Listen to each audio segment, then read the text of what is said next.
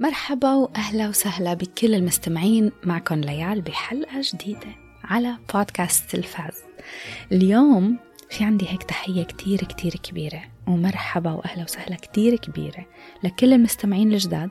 أه بحب إنه المستمعين الجداد دايما عم بيراسلوني ويتواصلوا معي. وإن شاء الله دايما دايما أقدر أقدم حلقات تعجبكم بس هيدا مو معناتها ابدا. إنه ما في أهلا وسهلا كتير كبيرة للمستمعين يلي خلص يعني هلأ صرتوا أصدقاء لهذا البرنامج. فكنت حابة أتوجه لكم هيك برسالة شكر ومحبة قبل ما بلش بهيدا الحلقة. so so, اليوم اليوم عنا فيلمين ومسلسل وشوية حكي تعودتوا عليه. هذا البودكاست بعتقد إنه صرتوا تعرفوا هلأ. صار 80% تلفاز وسينما وآخر شي في عنا 20% هو بودكاست لشخص بحب إنه يفكر كتير بأمور الحياة يفكر كتير يعني شوي زيادة. فالمهم الفيلمين هن If Anything Happens I Love You والفيلم الثاني 13 Lives. الاثنين ببكوا. الاثنين حركوا جواتي مشاعر كتير مؤثرة والمسلسل يلي رح أحكي عنه هو House of the Dragon. فيلا خلونا نبلش هيدا الحلقة.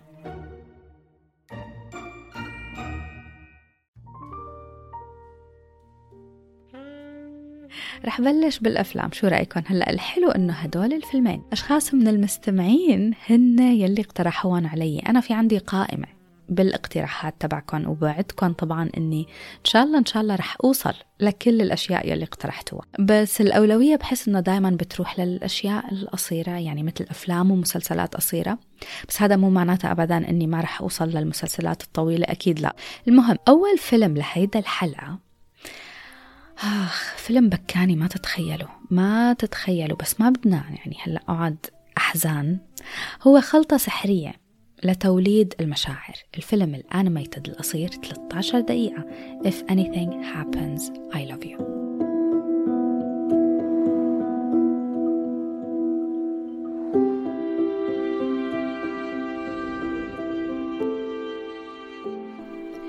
مين حاضره؟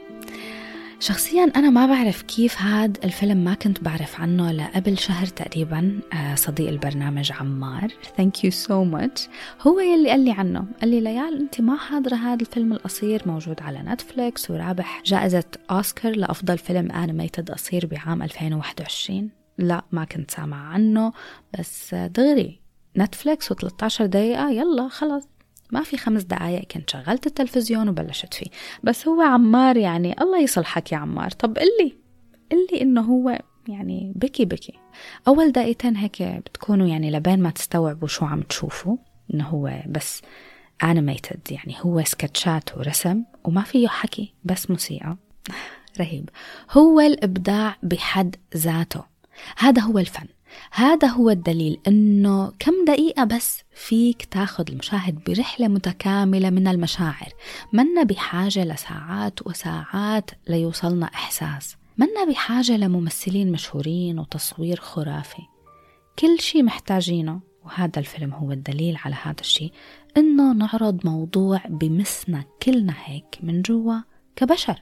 الفيلم حاصل على تقييم 7.8 على IMDb و100 من 100 على Rotten Tomatoes If anything happens I love you من اسمه. تخيلوا يعني الاسم لحاله بيحكي كتير. هو بيرافق رجال ومرأة اثنين متجوزين. ما رح أحكي كتير عنه لأنه ما في ما بدي أحكي spoilers فمن يلي منشوفه واضح إنه في بيناتهم كتير حكي ما عم ينحكى في حزن وألم كل واحد فيهم عم يعاني فيه لحاله. وجع نابع من تجربة أليمة مشتركة. بس بنفس الوقت ما عم يحكوا مع بعض ما عم يشاركوا حزنهم مع بعض. شيء يلي بينتج عنه بعد وأسى ووجع هيك منفرد.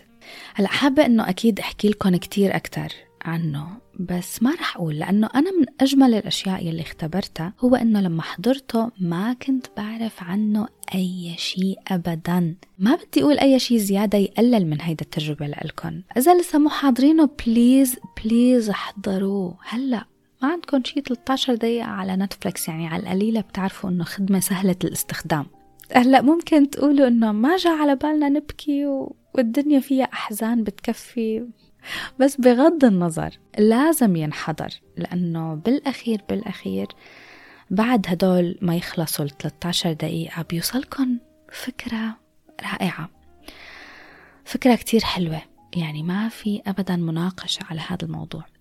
هذا الفيلم بيعالج مواضيع كتير مهمة كتير.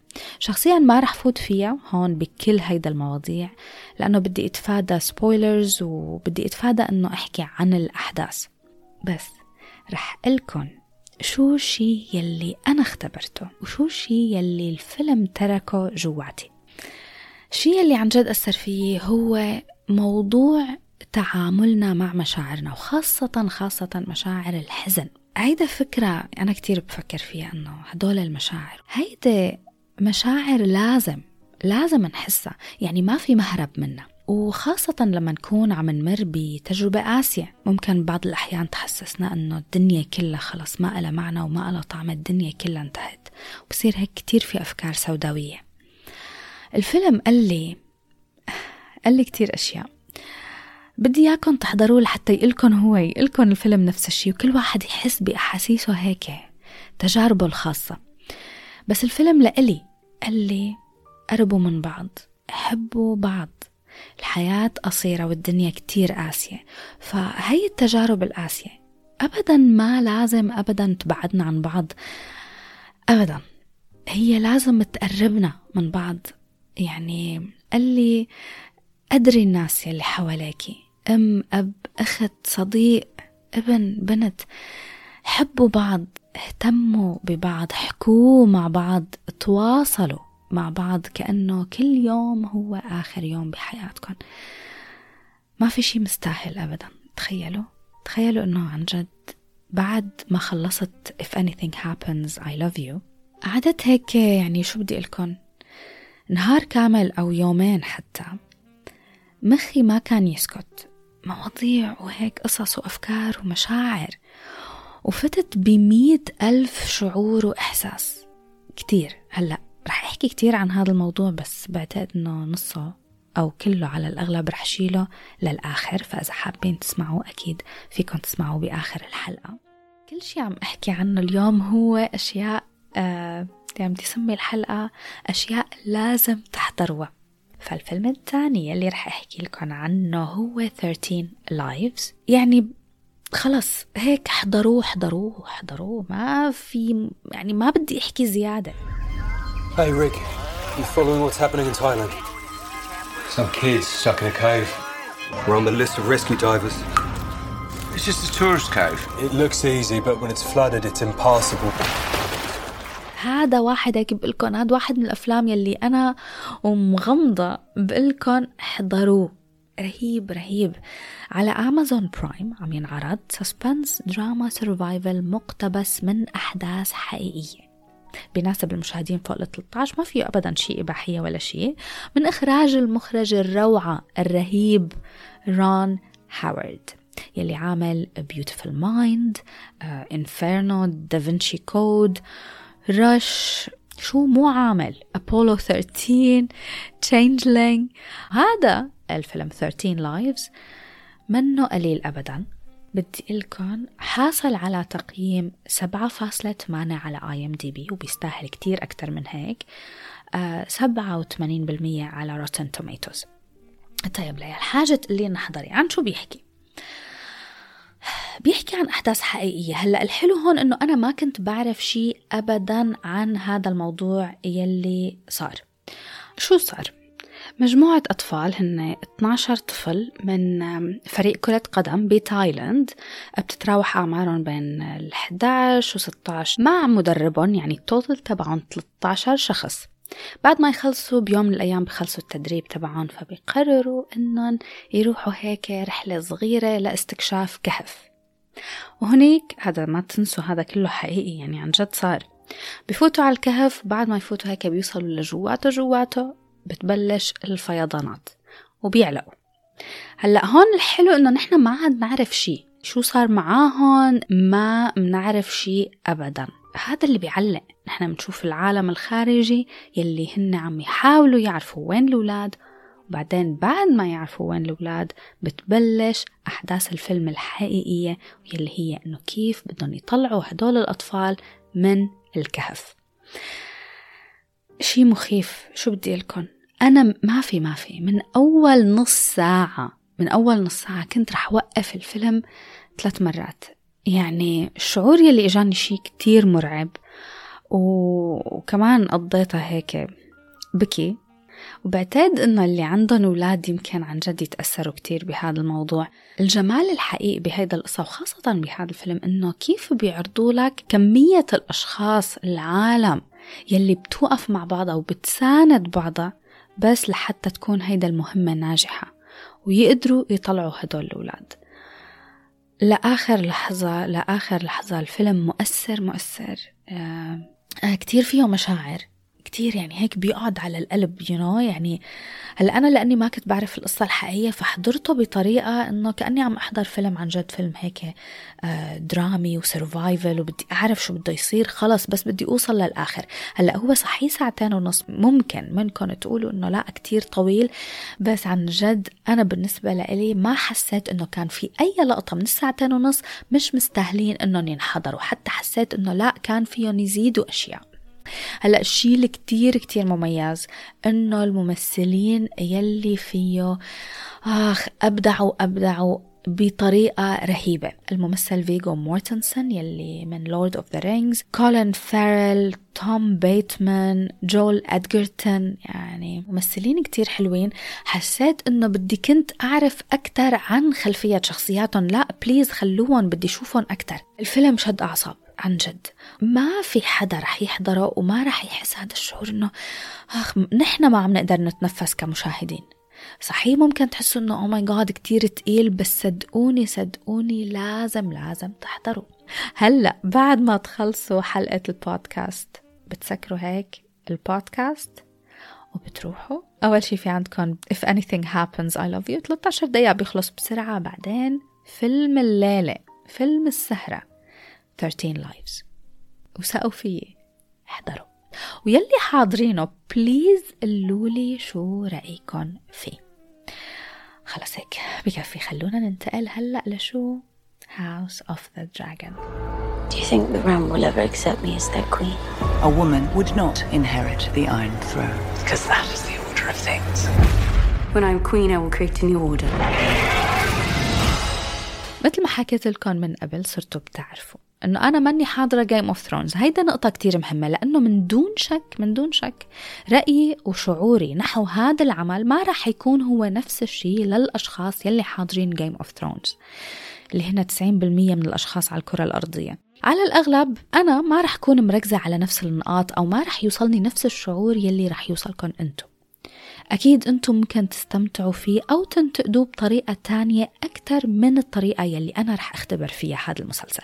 يعني مثل اليوم مثلا لما كنت عم أحضر الحلقة الثانية كنت قاعدة أنا ووحدة من رفقاتي عم نحضر الحلقة هي حاضرة Game of Thrones وكانت fan كتير كبيرة للمسلسل. فلما بلشنا الحلقة الثانية طلعت الموسيقى الافتتاحية. أنا قلت إنه nice غنية Game of Thrones بالطرف الثاني هي خلتنا نسمعها مرتين لأنه شعورها أكيد طبيعي رح يكون أقوى من شعوري يعني حتى الموسيقى. أو لما يطلع مثلا شخصية oh my God إيه اسم هيدا العيلة من Game of Thrones أنا كل هيدا الأشياء ما مختبرتها. بس لأني مش حاضرة Game of Thrones ما كنت عرفانة شو أتوقع من House of the Dragon هلا أهم من التوقعات ماني معلقة آمال كبيرة عليه لحتى هيك يعوضني عن النهاية يلي كل ال fans تبع Game of Thrones ما حبوها وخيبت لهم أملهم. أنا ما عندي هذا الشعور. فحضرت الحلقة الأولى والحلقة الثانية حبيت الحلقتين. يمكن كمان إذا فيني أقول حبيت الحلقة الثانية أكثر من الأولى. الحلقة الأولى كانت حلوة من الأول للآخر. ما كانت بطيئة بنظري أبدا. آه ما فيها تضييع وقت على الإطلاق. يعني يلا شخصية ورا شخصية حدث ورا حدث. هلأ ممكن ممكن تكون شوي آه كتير مشبعة بتفاصيل. ريتش يعني فيها كتير أشياء. هلأ أنا كمشاهدة هذا الشيء ما زعجني. بس ممكن لأني جديدة على هذا العالم الخيالي حسيت بنوع من الضغط إنه بدي أفهم كل شيء.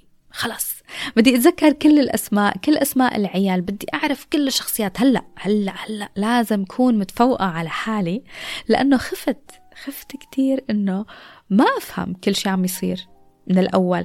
وإذا ما فهمت كل شيء من الأول فمعناتها ما رح أفهم الحلقات الجاية. هيك حسيت. ولكن هون إجت أهمية الحلقة الثانية. الحلقة الثانية هدت شوي هيك هدت من سرعة الأحداث. ضلينا على نفس الشخصيات. وعلى نفس الجو وعطتني أكثر من ناحية الحوارات. الحوارات بالحلقة الثانية بنظري كانت كتير قوية وهذا الشيء يلي خلاني حس زيادة بمشاعر الشخصيات. فهذا البطء وهذا التعمق بالشخصيات بالحلقة الثانية حسسني إنه آه لا أنا فهمانة تمام. أنا عرفانة مين مهم وشو الأحداث يلي لازم ركز عليها. أول حلقتين. عم يبنوا الأحداث بشكل صح يعني هيك طبخ على الهادي. وبحس إنه هذا البناء للأحداث إنه هذا الموضوع رح يستمر شوي لهالكم حلقة يلي رح يجوا. يعني ممكن الأشياء ما تحبك هيك معارك ودراجونز ودماء وما بعرف شو ما رح تحبك إلا للحلقة الرابعة أو الخامسة. هلأ هذا شعوري ما بعرف ممكن هذا الموضوع ما يصير. أنا ما رح أحكي سبويلرز أكيد أنتم صرتوا بتعرفوا هذا الموضوع. هلا ما بعرف إذا في أشخاص لسه ما حضروا أو خايفين إنهم يحضروا. إذا مترددين بالكون. بصراحة بصراحة عن جد ما تترددوا. المسلسل قوي قوي. ما كنت متوقعة أبدا إنه يكون هيك. كنت خايفة إنه يكون ضعيف. يعني ما رح كذب عليكم. مثل هلأ مثلا خوفي على مسلسل The Lord of the Rings. The Rings of Power. ما بخبي عليكم. خايفة إنه يكون ضعيف. بس هذا كمان حديث لحلقة تانية. خفت نفس الشيء على House of the Dragon. خفت إنه يكون ضعيف. لأنه حسيت إنه ممكن ممكن يكونوا معتمدين إنه المشاهدين تبع Game of Thrones خلاص. يعني إله فانز هذا المسلسل إله fans فما في داعي أبدا إنه يحسوا حالهم لازم يتعبوا عليه. ولكن ولكن المؤلفين تبع هذا العمل راين كوندل وجورج ار ار مارتن يلي هو أصلا المؤلف تبع سلسلة كتب A Song of Ice and Fire المستند منها مسلسل Game of Thrones. هدول الاثنين لهلأ فهمانين. فهمانين قديش هيدا المهمة صعبة وكتير كبيرة. مهمة طبعا يعني ضخمة.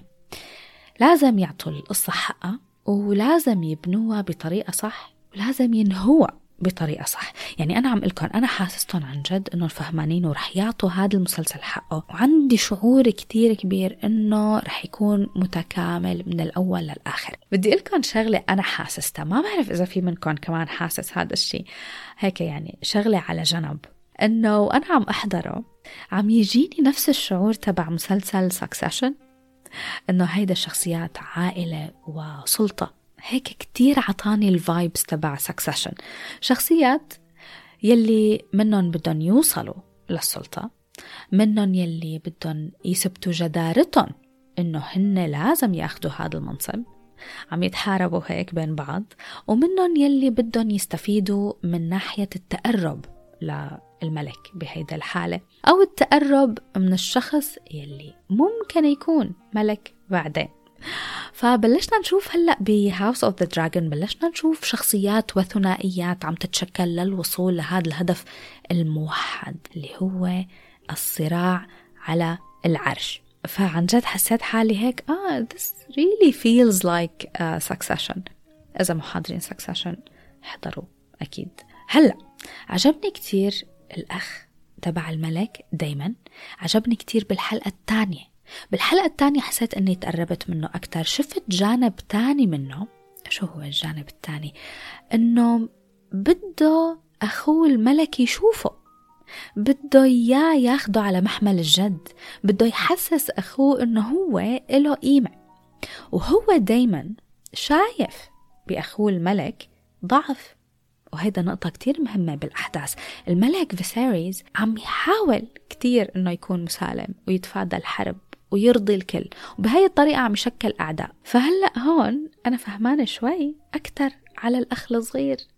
لأنه ملك طيب بهذا الوقت ما رح ينفع بهاي الظروف. وظهر بهيدا الحلقة جانب من شخصية دايما. منا طايشة تماما ومنا متهورة ومنا مدفوعة هيك بغرائزها مثل ما شفت بالحلقة الأولى. هذا الشيء عن جد لاحظته فحبيت إني شاركه معاكم ما بعرف اذا أنتم حسيتوا نفس الشيء. آه لاحظت كمان بالحلقة الثانية إنه العاملين على المسلسل رح هيك يبلشوا يلعبوا بعواطفنا. رح يخلونا نتأرجح بين الشخصيات. يعني ممكن حلقة يكرهونا بشخصية وبعدين يعطوني نظرة تانية زاوية أخرى تخليني أتعاطف مع الشخصية وأفهمها. حتى لو كانت هيدا الشخصية عم تستخدم أسلوب الغاية تبرر الوسيلة. هذا الشيء كتير حلو أنه تلاعبوا بعواطفي قد ما بدكم لأنه هذا الشيء هو يلي رح يعلقني بالمسلسل. هون برجع بأكد أنه الحوارات بالحلقة الثانية كانت كتير حلوة فيها عمق كبير جمال بالحديث استخدام تعابير خاصة بآخر الحلقة الثانية. يلي حضرة بتكونوا أكيد فهمتوا علي أي مقطع. هلأ من بين البنات شخصية أليسنت هاي تاور رفيقة الأميرة رينيرا عجبتني أكتر شيء لهلأ. وحابة كتير يعني في وضوح وين شخصيتها ممكن تتوجه وين رح تروح مع تقدم الأحداث. الأميرة نفسها يعني هون بدي أتوقف شوي عن هيدا النقطة. الأميرة نفسها بصراحة يعني ما بدي أحكم عليها من هلأ بدي خلي حكمي عليها لبعدين لحتى أشوف شو رح يطلع منها بالحلقات الجاية. بس عندها مشاهد. هلأ في عندها مشاهد حلوة أكيد هي مشاهدها مع الدراجونز هيدا المشاهد نفسها رهيبة. بس عم حس إنها شوي زيادة مراهقة عندها حركات يعني بدي لكم ما بعتقد إنه أميرة بهيك وقت. وهيك ظروف ممكن يكون عندها هذا النوع من التعابير وهذا النوع من الحركات. يعني لما أشوفها بحسها مراهقة من هذا الجيل يلي هون يلي نحن عايشينه ب 2022 هلأ هذا رأيي. ممكن يعني بعدين لما تتغير الممثلة يتغير الموضوع كله. فشخصية الأميرة ما كتير عم حس معاها وما عم توصلني مشاعر أبدا. آخر شي بدي أقوله هون أني حبيت كيف القصة يعني قصة وحدة مكان واحد هدف واحد. هذا الشي بخلي كل مشهد وكل حوار يعني كل لقطة عم نشوفها متصل بالموضوع الرئيسي وله تأثير فوري. على الحدث الرئيسي. هذا الشيء عن جد حلو لأنه خلص كل مشهد عم نشوفه هو عم بيصب بنفس المجرى للفكرة الرئيسية تبع المسلسل. فهي النقطة كتير حلوة. متحمسة كتير للحلقات الجاية.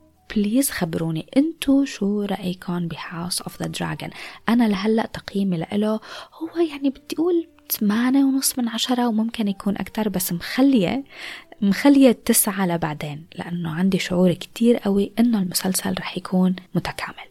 فخلونا نشوف. بدي لكم تحضروا مسلسل على Apple TV Plus 5 Days at Memorial. أنا already حكيت عنه إذا لهلأ منكم حاضرينه. go for it مسلسل روعة يعني هلأ هو عم ينزل هو 8 حلقات صار نازل منه خمس حلقات لهلأ بينزل كل يوم جمعة. رهيب. الحلقة الخامسة هي يلي هيك حسستني إنه كل شي حضرته كان بيستاهل. فخلينا نشوف هلأ شو رح يصير بآخر ثلاث حلقات. بتمنى إنهم يكملوه بالطريقة الصح بس تجربة مشاهدته حلوة كتير. فإذا لسه ما حضرتوه 5 Days at Memorial please اعطوه فرصة واحضروه وخبروني شو رايكم قبل ما أختم هيدا الحلقة لازم لازم كتير خاصة على فيلم 13 Lives بدي أشكر الشخص يلي اقترح علي هذا الفيلم وقال لي إنه أحضره. ودائما بيقترح علي كتير أشياء أحضرها. Wanna say عن جد thank you thank you من كل قلبي حسين علي. يعني ما تتخيل ما تتخيل إنه قديش أنا وقاعدة محضر الفيلم. آخر شي I'm like thank you لأنك قلت لي إنه أحضره. وطبعا أكيد بدي أشكر عمار يلي دائما كمان بيقترح علي أشياء احضرها بس أهم شيء إنك قلت لي أحضر فيلم if anything happens I love you. Thank you.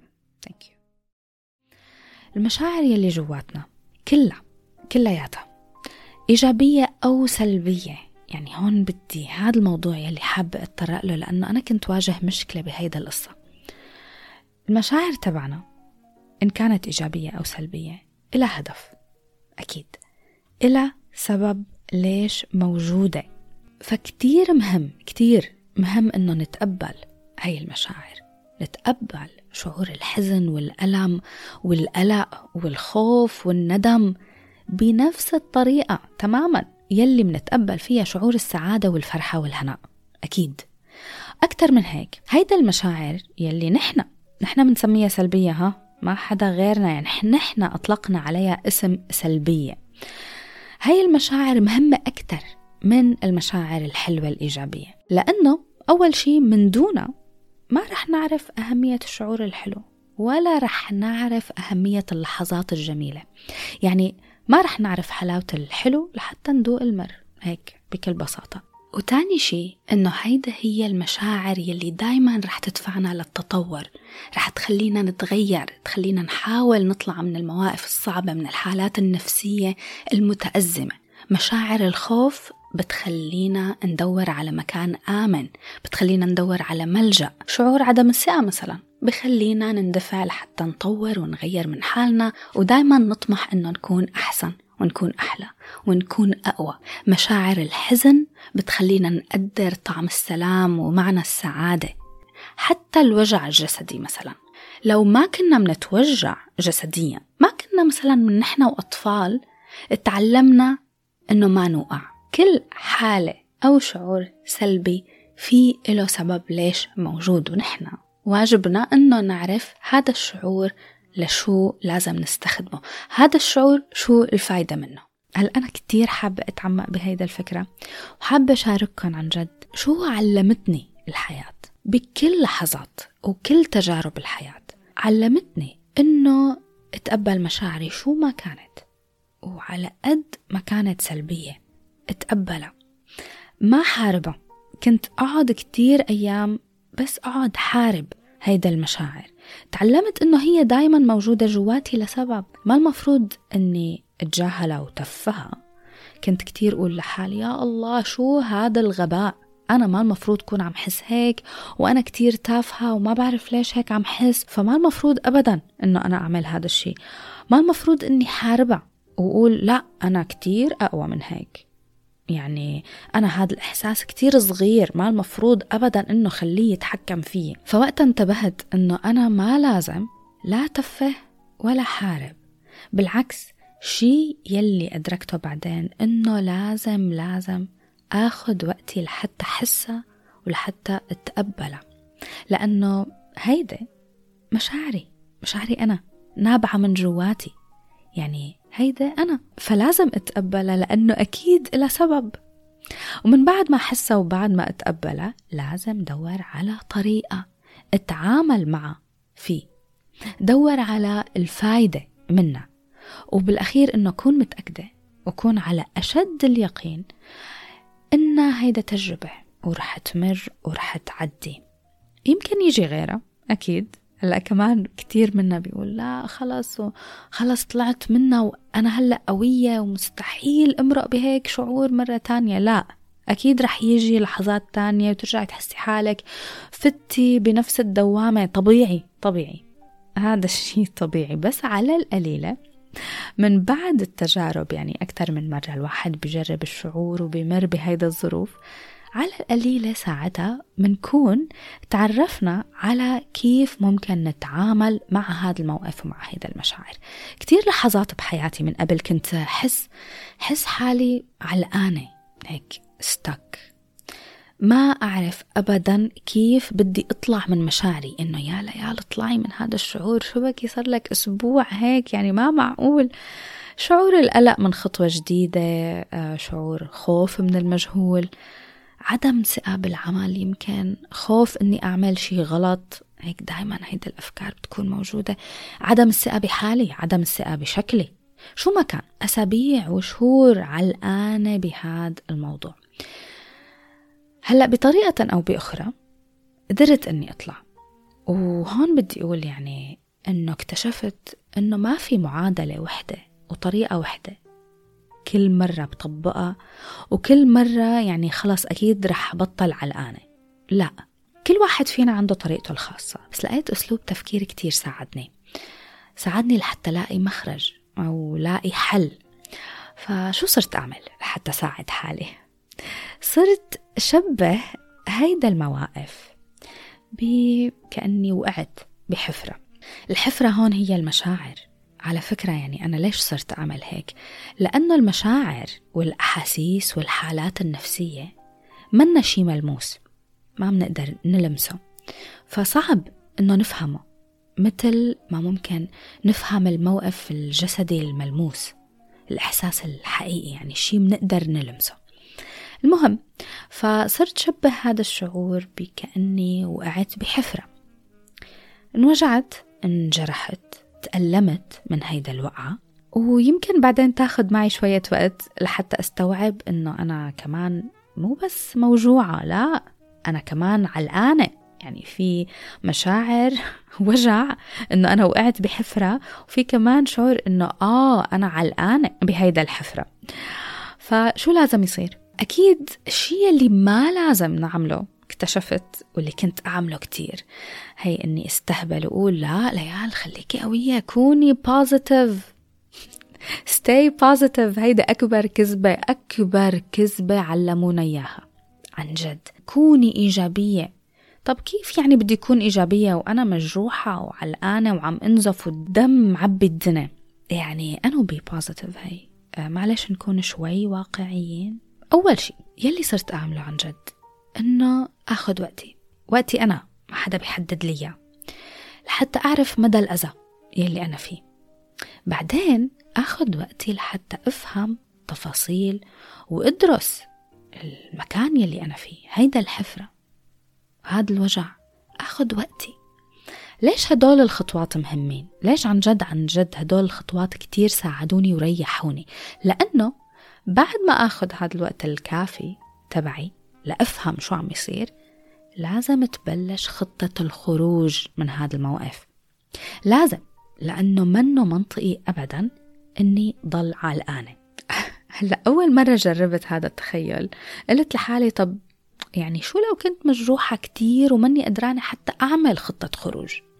طبيعي على فكرة إنه نحن يلي منكون غايصين بمشاعرنا وحالتنا النفسية التعبانة منصير بس منحط يعني عصي بالدواليب أي حجة أي عذر لحتى ما نتحرك لحتى نضل هيك قاعدين وعم نبكي على حالنا. هذا طبيعي. منحب شعور الأسف على الذات.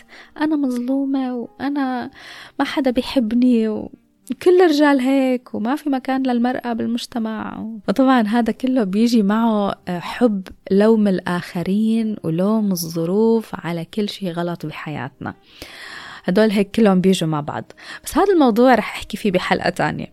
طيب ليال أنا مجروحة كتير وما قدرانة إني أعمل خطة للخروج. ساعتها عن جد عن جد يعني بعد ما أكون عن جد درست الموقف واكتشفت إنه ما رح أقدر أبدا إني أتصرف لحالي. عن جد خلص. هلأ هيك أنا وصلت لهي القناعة. معناتها خطة الخروج رح تكون هي طلب مساعدة. هذا منه شيء خطأ. طلب المساعدة من الآخرين شيء كتير مهم. مشان هيك مهم كتير إنه ناخد وقتنا بدون ما نتجاهل مشاعرنا وبدون ما نحاربها أو نتفها. لازم نعرف الوضع الحقيقي اللي نحن فيه. نرجع لموضوع خطة الخروج من الحفرة. فصرت أسأل حالي okay أنا شو عندي مهارات وشو عندي skills موجودة فيي already فيها تساعدني؟ مين في حوالي أشخاص بيقدروا يساعدوني؟ شو عندي تجارب سابقة مشابهة مريت فيها من قبل ممكن تفيدني هلأ؟ هذا موضوع جدا جدا مهم إنه نحن بحياتنا في تجارب سابقة فكتير مهم إنه نرجع لها ونشوف كيف طلعنا منها. بالآخر مين عم يتحكم بهذا الموقف؟ أنا أو الظروف؟ لما صرت أسأل حالي هدول الأسئلة عن جد عن جد شو بدي لكم بلشت كتير أستفيد. بس بعد هيك بعد ما خطة الخروج وسألت حالي وأخذت وقتي وكل هذا الموضوع يلي بيتطلب جهد بيتطلب مجهود الشغل ما خلص هون. بالآخر لما نطلع من هيدا الحفرة لما أنا طلعت من هيدا الحفرة لازم أقعد مع حالي وأسأل حالي شو علمتني هيدا التجربة؟ كتير مهم هذا السؤال. شو علمتني هيدا التجربة عن الحياة يلي عايشتها؟ كيف فيني غير أشياء لحتى إذا رجعت وقعت بحفرة تانية كون اكتسبت خبرة كافية تقدر تساعدني؟ هلا في عالم هون ممكن يقولوا لي وأنا قلت هذا الموضوع لحالي من قبل إنه لا أنا بدي أتعلم إيه بس بدي أتعلم كيف ما أرجع. اوقع بحفرة تانية. شو بدي أرجع أوقع مرة تانية؟ لا. بس هذا حديث لموضوع تاني. ولكن الحياة كلياتها تجارب كلياتها حفر كلياتها أزمات. فإنه ما نتوقع إنه نوقع بحفرة تانية. يعني هذا بدي أقول إنه هو حلم أمنية. كل شخص بيتمناها إنه ما يمر بمواقف صعبة. بس هيدا هي الحياة. فلازم نكون شوي واقعية زيادة. هيك بكون وصلت لآخر الحلقة. بدي أشكركم كتير لأنكم وصلتوا لهون وسمعتوا الحلقة للآخر. بتمنى أنها تعجبكم. بشوفكم بحلقة جديدة وفيلم جديد ومسلسل جديد. باي باي.